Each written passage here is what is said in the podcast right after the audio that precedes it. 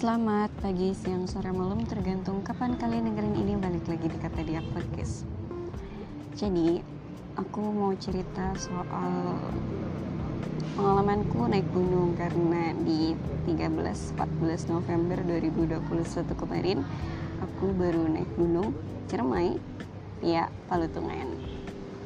Uh, cerita sedikit kenapa aku naik gunung jadi kan aku emang anak pramuka dari dulu dan pengen bisa naik gunung karena biar ya bisa dibilang biar jadi anak pramuka sejati lah ya. Karena anak pramuka nggak pernah naik gunung kayaknya.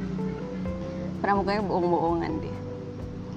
Aku dari dulu pengen buat naik gunung cuma belum bisa karena terhambat restu dari ibu. Jadi ibuku belum ngizinin karena aku lemah katanya padahal enggak juga. Aku lebih ke sering capek sih kakiku sering capek gitu kan. Jadi ibu takutnya aku nggak kuat gitu baru dapat izin itu di tahun lalu. Uh, aku naik ke Ciremai via Linggarjati yang mana itu jalur, jalurnya ekstrim dan terjal. Sampai aku sampai ke atas dan kemarin itu pendakian kedua aku ke Ciremai lagi cuma lewat Palutungan sama teman-temanku. Kami berangkat bersembilan. Aku excited banget kan tentu naik gunung. Ya emang seneng gitu walaupun capek tapi tetap seneng. Terus uh, pas aku bilang aku mau naik gunung ibuku bilang kamu tanggal segitu ada syukuran di rumah. Karena emang nenekku bikin syukuran untuk aku syukuran wisuda syukuran aku ulang tahun di bulan Oktober kemarin. Nah di jadwalinnya itu di tanggal 14 aku nego-nego-nego segala macam awalnya sempat ragu tuh. Aku bilang aku nggak ikut ya karena ada acara di rumah. Aku nggak enak kalau ninggalin acara gitu kan. Acaranya kan buat aku tapi aku yang malah pergi kayak nggak enak aja gitu aku ngerasanya aku bilang ke teman-teman aku nggak jadi ikut aku cancel. Uh, tapi pas rapat itu aku dipanggil disuruh ke tempat. Ya dibujuk-bujuk lah di apa? Uh, dirayu-rayu. Beneran lah nggak ikut. Ini kasihan ada satu orang perempuan gak ada temennya kayak gitu segala macam. Jadi ya udah aku mikir lagi aku nego lagi ke ibu kayak gitu-gitu terus akhirnya ya udah dengan sedikit pemaksaan akhirnya aku berangkat. Tapi jujur di keberangkatan kali ini aku kayak setengah-setengah gitu. Aku tetap aku pengen sebetulnya pengen berangkat cuma aku nggak enak banget ninggalin acara di rumah gitu kan. Nah aku mikirnya ya ini acara buat aku gitu. Masa akunya nggak ada? Akunya didoain nih sama banyak orang. Masa aku yang pergi-pergian gitu? Aku ngerasanya kayak gitu. Tapi ya udah uh, tetap pergi. Jadi aku juga nggak ada persiapan apa segala macem. Maksudnya persiapan equipment atau perlengkapan mah pasti. Cuma persiapan di badan aku tuh aku nggak semaksimal pas pendakian pertama. Kalau di Linggarjati waktu itu di tahun lalu itu aku satu minggu sebelum naik itu udah jogging kan. Ngebiasain kaki biar nggak terlalu pegel katanya. Dan di kemarin pendakian kemarin karena aku mikirnya aku nggak jadi ikut jadi aku santai aja tidur tiduran segala macam dan baru uh, ngelatih kaki tuh baru lari-lari tuh di hari ya, apa ya? Kamis gitu atau Jumatnya. Pokoknya cuma satu kali lari dan itu nggak nolong sih ternyata. Di atas tuh di tanjakan pertama aja udah capek banget. Tapi di pendakian kali ini aku bisa apa ya ada hal yang aku ambil ada hal-hal filosofis yang aku tarik gitu selama uh, mendaki ke Palatungan. Ada perumpamaan aku tuh gini, jadi kita tuh berkehidupan atau menjalani hidup tuh bisa diibaratkan kayak kita naik gunung. Yang pertama itu dari niat. Kalau di hadis pertama kan inama inamal a'malu biniat jadi semuanya tuh tergantung dari niatnya. Kalau niatnya baik ya hasilnya akan baik. Kalau niatnya buruk ya hasilnya juga gak akan uh, sebagus itu gitu. Aku ngerasain banget. Di pendakian pertama waktu ke Linggarjati aku seniat itu untuk naik. Dan ternyata di badan akunya tuh ngerasa lebih enteng gitu ngejalaninnya walaupun jalurnya terjal sangat terjal aku akui untuk pendaki pemula ya apalagi untuk pendaki pemula merasa bahwa ini tuh ekstrim loh jalurnya tuh ekstrim. Sementara palutungan tuh tidak se ekstrim itu tapi aku merasa bahwa dengan niat aku yang setengah-setengah saat berangkat ke palutungan itu ngaruh banget ke badan aku. Di, baru di belum nyampe pos pertama belum nyampe pos pertama aku tuh di dalam hati tuh ya Allah kuat nggak ini. Ngerasa capek banget gitu ngerasa apa ya kayak aduh ya Allah pengen nyerah gitu udah nggak mau lanjut lah udah sampai camp udah aku di camp aja aku nggak mau naik gitu. Uh, sampai mikir gitu karena niat aku setengah-setengah aku nggak 100% yakin mau nanjak gitu nggak 100% yakin akan mendaki gitu hati aku tuh nggak 100% ke sana tapi ada hal-hal lain yang pengen aku uh, lakuin juga gitu di rumah kan. Sama kayak di kehidupan. Kalau niat kita baik ya ke sananya juga pasti akan baik akan dimudahkan akan dibantu. Tapi kalau niat kita apa ya aku nggak bilang nggak baik sih. Tapi kalau di dalam diri kitanya setengah-setengah ya kita ngejalaninnya juga setengah-setengah gitu kan. Ngerti gak sih kayak di pendakian pertama Linggar Jati se ekstrim itu aku di atas tuh udah pas summit ya. Pas summit itu di jam 7 jam 8 belum ada matahari. Kabut tebel. Dingin posisinya tapi di hati aku aku yakin aku bisa. Aku yakin aku bisa gitu. Aku yakin banget aku tuh bisa naik bisa sampai atas. Dan akhirnya sampai pas di Balutungan kemarin ya Allah belum nyampe tempat camp aja tuh sulit banget gitu ngeyakinin diri aku bahwa aku bisa karena aku yang juga setengah-setengah. Pas di camp kejadian kaki sakit banget merengkol dingin nusuk ke tulang dinginnya dan itu makin menguatkan niat aku untuk tidak melanjutkan summit atau tidak ikut summit nanti. Uh, terus aku pakai saya minum obat kan buat ngilangin pegel-pegelnya sakitnya gitu biar aku bisa tetap naik walaupun setengah-setengah. Akhirnya aku tetap summit karena kaki pas bangun tuh kaki udah lumayan mendingan walaupun dingin walaupun apa tetap dipaksain naik naik naik naik.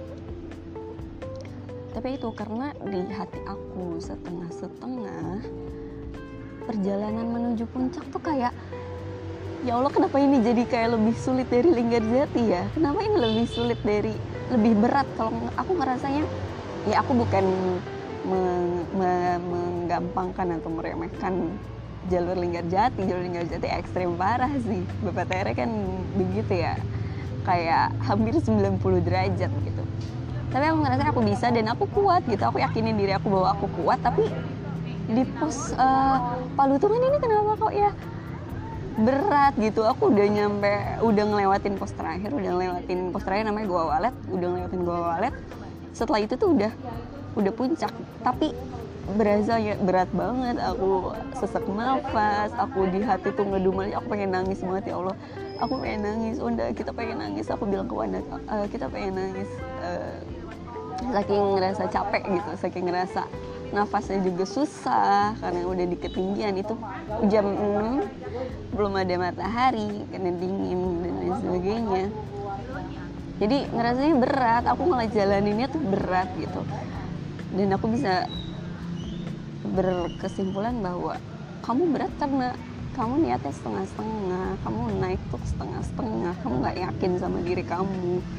Makanya uh, niat atau mindset kamu tuh kebawa ke perilaku jadinya kamu nggak mau usaha duluan karena di hati kamu di pikiran kamu nggak sepenuhnya meyakinin bahwa kamu bisa.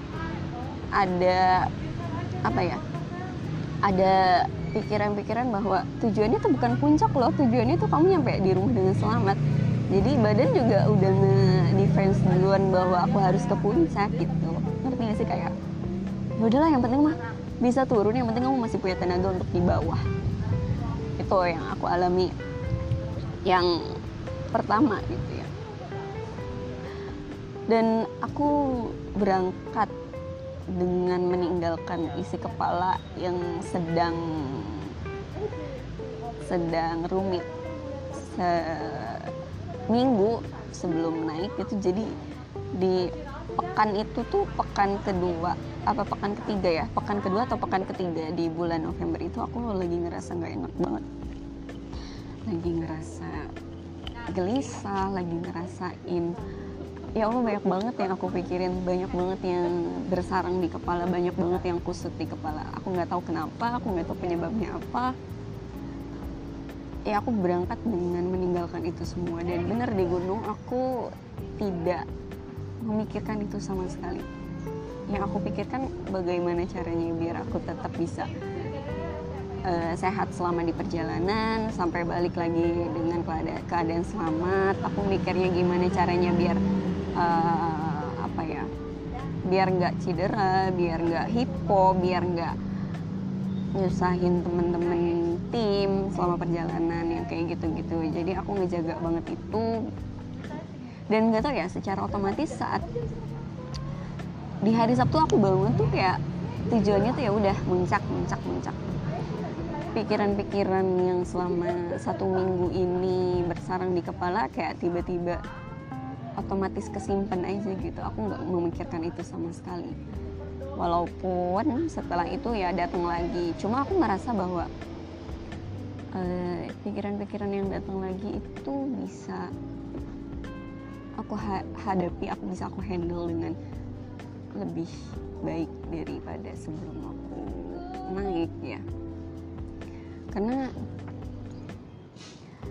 saat di gunung juga aku tuh keinget omongan Kamazi Kamazi tuh bilang uh, apa ya di caption ya di caption Instagramnya itu dia ngerasa bahwa dia butuh untuk ketemu sama alam, butuh naik gunung untuk nenangin diri segala macam. Jadi selama perjalanan juga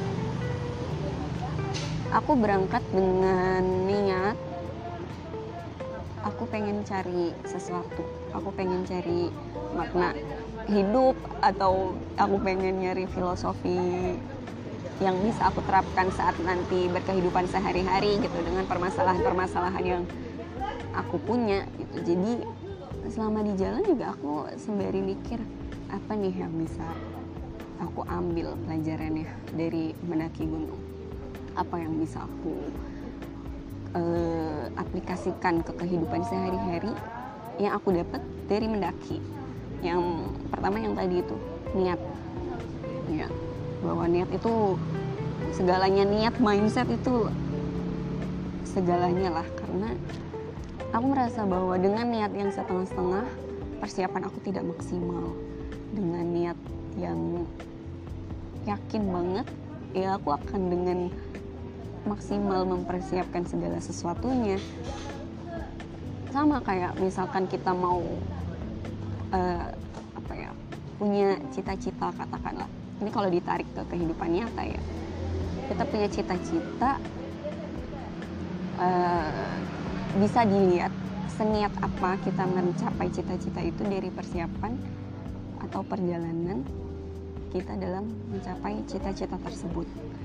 Kalau kita emang seniat itu untuk bisa dapetin cita-cita ya persiapannya harus matang persiapannya ya pasti akan benar-benar disiapkan gitu apa yang dibutuhkan selama perjalanan apa yang dibutuhkan uh, untuk bisa sampai ke sana di dalam diri kitanya juga perlu apa per per apa ya permasalahan apa yang akan kita hadapi kita tuh akan bisa menyiapkan solusi-solusinya gitu. Walaupun kita tahu persoalan itu kan kadang bisa datang dari hal-hal yang tidak terduga ya. Maksudnya kita menyiapkan solusi apa tapi ternyata masalahnya datangnya dari mana gitu suka nggak nyambung.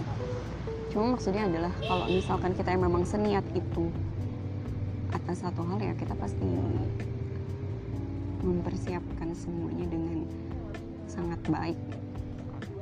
Dan persiapan yang setengah-setengah bisa jadi penghambat untuk mencapai goals atau tujuan yang akan kita capai.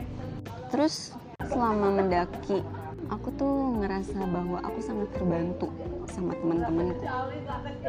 Mulai dari persiapan barang-barang pendakian terus juga dari cara mereka ngebantu aku selama jalan. Kami kan bersembilan terus aku termasuk yang lemah kan karena ya itu aku tidak mempersiapkan diriku dengan baik. Jadi aku cepet capek aku cepet capek tapi teman-teman aku support. Jadi mereka tuh kayak Ira kalau Ira capek nggak apa-apa Ira bilang aja nanti kita temenin. Kayak gitu. Terus pas mau di pas di atas juga pas udah summit kan udah capek banget udah hampir menyerah. Tapi selalu diingetin untuk Mus ayo bisa nggak apa-apa bisa. Pelan-pelan aja nggak apa-apa. Mus bilang ke Wanda Wan kita mau bikin uh, konten mau bikin konten. Stay with me. Kalau kalian tahu yang kayak di tiktok tiktok gitu yang kayak nutupin kaki terus pas dibuka lagi kakinya kayak tiba-tiba di mana. Nah video pertama udah aku bikin sama Wanda di base camp nah selama di jalan Wanda tuh bilang Mus ayo bikin stay with me di atas bikin stay with me di atas. Setiap kali Mus ngerasa kelihatan hampir menyerah. Wanda tuh selalu bilang gitu Wanda selalu support mus mus ayo. Terus bener Wanda tuh kayak nggak cuma omongan tapi Wanda juga bantu bantuin mus untuk naik bantu narikin uh, mus kalau kesusahan dan lain sebagainya. Dan teman-teman yang lain juga sama ngebantu mus dalam uh, apa ya pelan-pelan untuk jalan. Yang kayak gitu. Jadi di gunung aja temen tuh mempengaruhi apalagi di real life. Aku pernah bilang kan bahwa lingkungan tuh sangat mempengaruhi dan ya memang gitu memang lingkungan tuh mempengaruhi kita. Gimana pun kita bisa mencegah atau ngekip diri kita untuk tidak terbawa sama lingkungan. Tapi kan bukan itu doang bukan soal gimana kita terkontaminasi tapi kan support lingkungan tuh sangat berpengaruh loh untuk perjalanan kita perjalanan hidup kita untuk cerita-cerita kita dalam mencapai tujuan terus kasur tuh bilang Ira tuh mending capek break sebentar jalan lagi capek break sebentar jalan lagi mending kayak gitu daripada Ira break lama nanti males ke sananya. Kasora selalu bilang gitu. Jadi Ira kalau misalkan capek bilang aja nggak apa-apa nanti kita temenin. Kasora bilang gitu.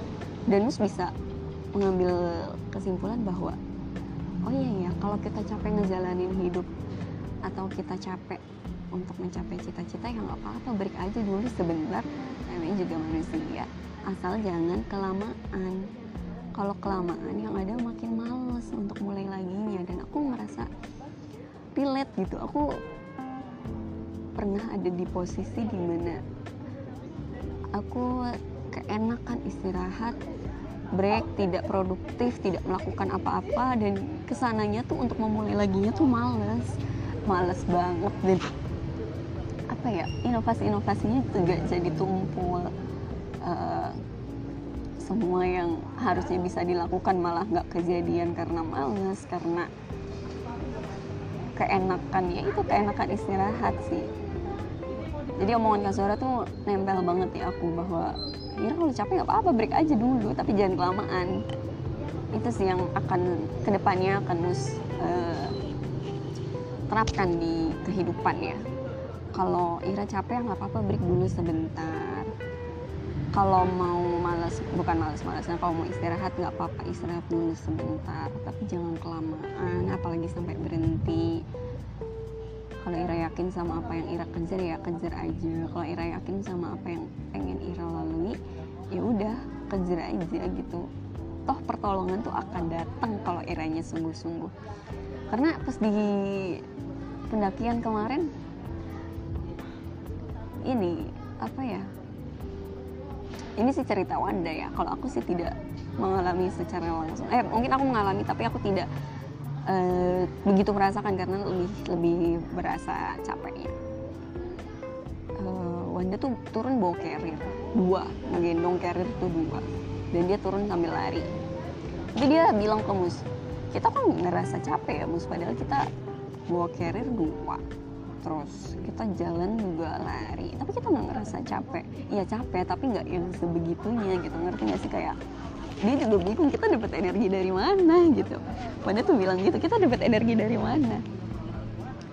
Terus ya aku tuh ngerasa bahwa niat baik kita ya itu kan niat baik ya. Maksudnya Wanda bawa dua carrier tuh biar uh, ada salah satu temen yang kakinya tuh sakit. Jadi kayak kayak kasihan gitu kalau harus ngegendong carrier juga sambil kakinya sakitnya dia udah dibawa wanda aja wandanya juga sanggup. Jadi niat baik dia untuk meringankan teman atau menolong teman itu didukung sama let's say sama Tuhan. Dia dikasih kesanggupan untuk sampai bawah dan lebih sampai bawah lebih dulu dan pas sampai bawah juga ya pegelnya tuh nggak yang sampai dua kali lipat dari pegelnya biasa itu enggak jadi pegelnya tuh masih pegel-pegel wajar dan ya itu sih kayak dia tuh ngerasa dikasih energi, dikasih pertolongan, dikasih bantuan. Terus selama turun, aku kan emang blow on ya. Jadi pas di Linggarjati juga kepleset-kepleset terus tuh pas turun dan di Palutungan juga sama, apalagi posisinya hujan kan, licin apa segala macem. Orang kepleset tuh wajar sih dalam berkehidupan juga orang tuh kepleset wajar sekali dua kali wajar. Tapi kalau keseringan kepleset kayaknya Ira goblok deh. Kayaknya Ira nggak bisa milih pijakan yang bener deh. Kayaknya pijakan yang Ira tumpu itu keliru deh. Ngerti gak sih? Kayak sekali dua kali ya wajar namanya juga manusia bisa kepleset. Tapi kalau keseringan mungkin Iranya yang goblok. Mungkin pijakan yang Ira pilihnya itu salah kalau bisa ditarik ke kehidupan atau diterapkan ke kehidupan sehari-hari. Kalau Ira keseringan kepleset bisa jadi ada yang salah dari diri Ira gitu dari diri Ira mungkin dari dari dari Ira bersosial atau berteman atau dalam memilih pijakan hidup gitu kan coba dievaluasi apa yang salah. Karena manusia ngelakuin kesalahan sekali dua kali ya wajar tapi kalau keseringan dan dengan tempo dengan spare waktu yang berdekatan sih agak. Ira belajar gak sih dari yang sebelumnya? Kayak Ira tuh keplesetnya tuh di hal yang sama loh. Hmm, kenapa Ira nggak ambil pelajaran dari yang sebelumnya gitu? Dan selama perjalanan yang aku minta tuh bahwa ya Allah selamatkan aku dan timku sampai rumah lagi minta dikasih perlindungan. Kita direndarkan dari segala mara bahaya lah. Pengennya uh, selamat gitu pas naik pas berangkat sehat pas pulang juga sehat dan alhamdulillah juga nggak ada yang gimana gimana juga. Ya itu selama di jalan aku jadi yang aku pikirin tuh gimana caranya biar aku juga nggak kenapa-kenapa sambil minta dilindungi selama perjalanan, selama naik, selama turun, nggak berhenti berhenti untuk berdoa untuk berzikir. Dan ya itu kalau kita minta untuk dilindungi ya, ya Allah juga pasti akan berkenan ya untuk uh, bantu ngebantu kita gitu. Karena aku ngerasa meminta pertolongan tuh gak cuma untuk keselamatan tapi juga untuk kesanggupan aku untuk bisa terus jalan. Satu hal yang paling aku highlight adalah untuk bisa nyampe ke tujuan yang harus kita lakukan itu jalan. Tetap berjalan.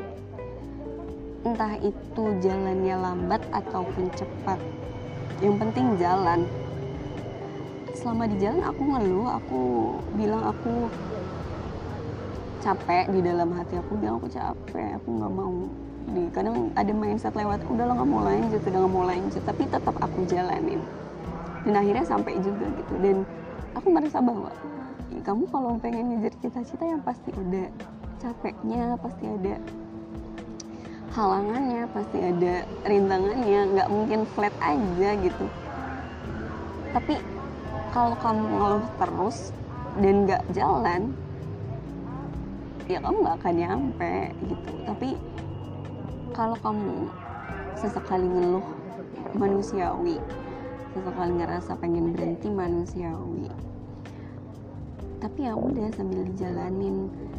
Kalau emang sungguh-sungguh walaupun sebentar walaupun dengan tempo yang slow ya pasti akan nyampe juga dan aku ngerasain hal itu. Aku kemarin jalan slow banget gila.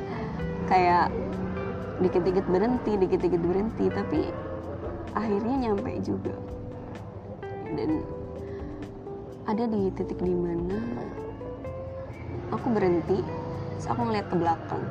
Dan itu uh, apa pohon tuh udah mulai jarang. Jadi pemandangan kota tuh kelihatan. Itu masih gelap sekitar jam 5 subuh jam 5 subuh udah mendekati batas vegetasi jadi lampu-lampu kota tuh masih kelihatan.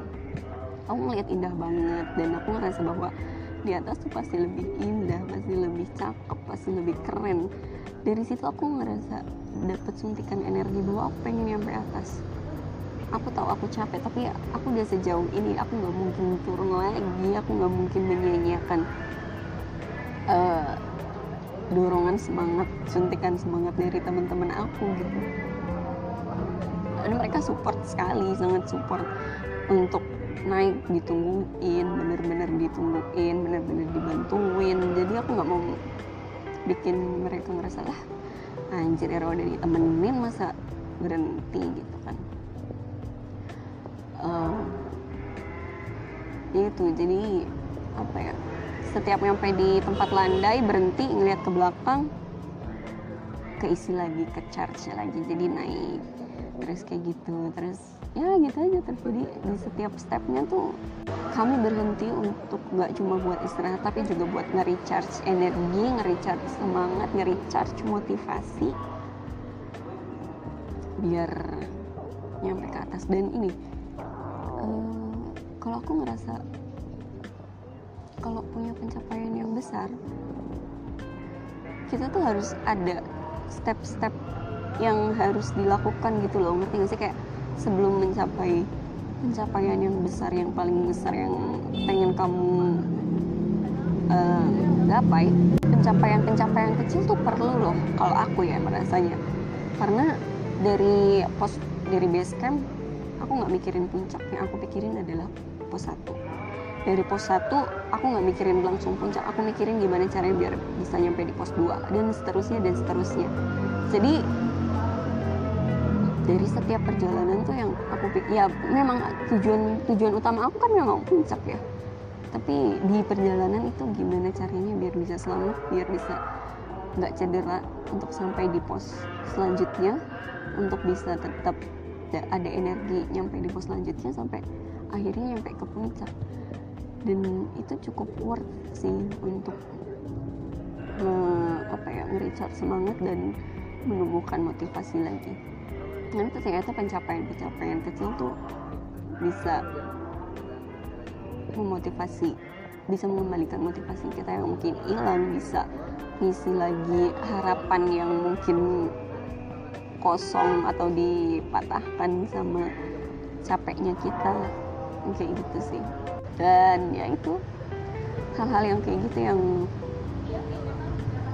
aku dapat selama pendakian kemarin via Palutungan aku jalan juga sambil selain gimana selain mikir gimana caranya biar selamat aku juga mikir gimana caranya biar aku bisa dapat pelajaran dari sana. Dan ternyata alhamdulillah ada hal-hal itu sih yang bisa aku dapetin.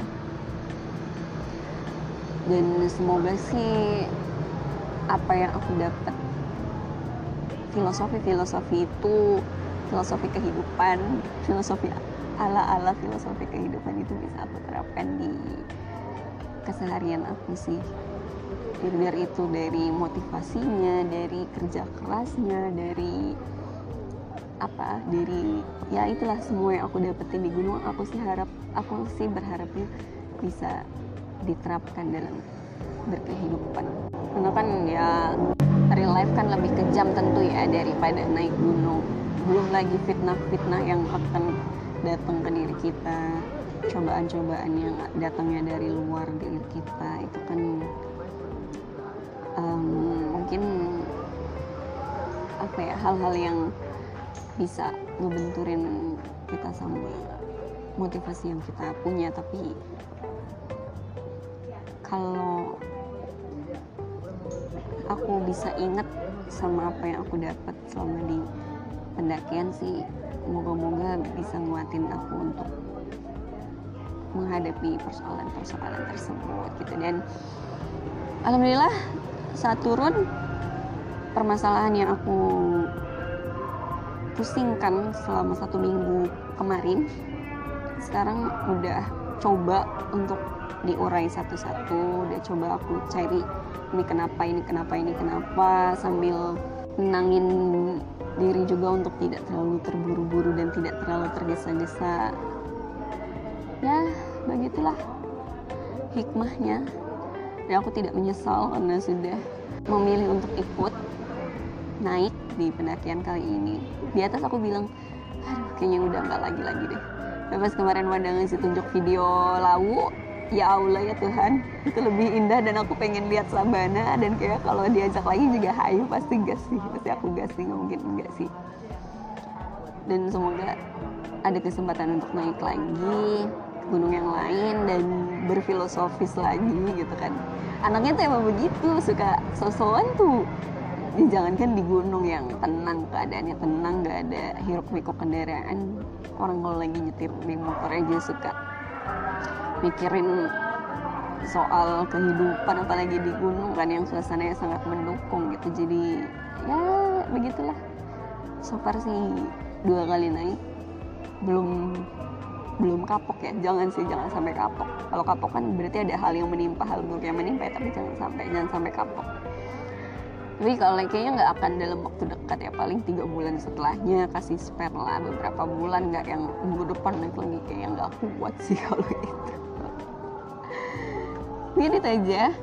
Buat teman-teman yang nanya gimana kemarin cerita ke gunung mohon maaf karena aku ingin cerita di podcast. Dan ya itulah. Semoga ada yang bisa diambil dari cerita aku kali ini. Aku tidak memaksa kalian untuk naik gunung juga karena ya. Bebas-bebas aja nyari makna kehidupan mah gak, gak harus selalu dengan mendaki tapi kan kebetulan aku punya kesempatan dan seneng untuk itu gitu. Jadi ya itulah yang bisa aku lakukan yang aku bisa dapat pelajaran dari sana. Pokoknya makasih yang udah dengerin. Dan jangan lupa jangan lupa kalau bisa mau nge-share ya kalau kalian dengerin gitu. Seenggaknya nge, nge screenshot gitu mus aku dengerin kayak gitu. Biar aku itu semangat gitu kalau bikin podcast. Biar aku juga tahu siapa nih yang dengerin gitu. Jadi jangan diam-diam aja. Kalau nggak nggak harus di Instagram nge personal chat aja juga. Nggak apa-apa kalian bisa nge DM atau nge WA aku. Terus aku dengerin terus itu bagian dari apresiasi. Dan walaupun nge dengan ngedengerin juga kalian sudah mengapresiasi aku tapi aku pengen sesekali lah dibesarkan hatinya bahwa ada ada loh teman-teman dekat aku yang ngedengerin gitu. Dan makasih udah dengerin. See you at the next podcast. Bye bye.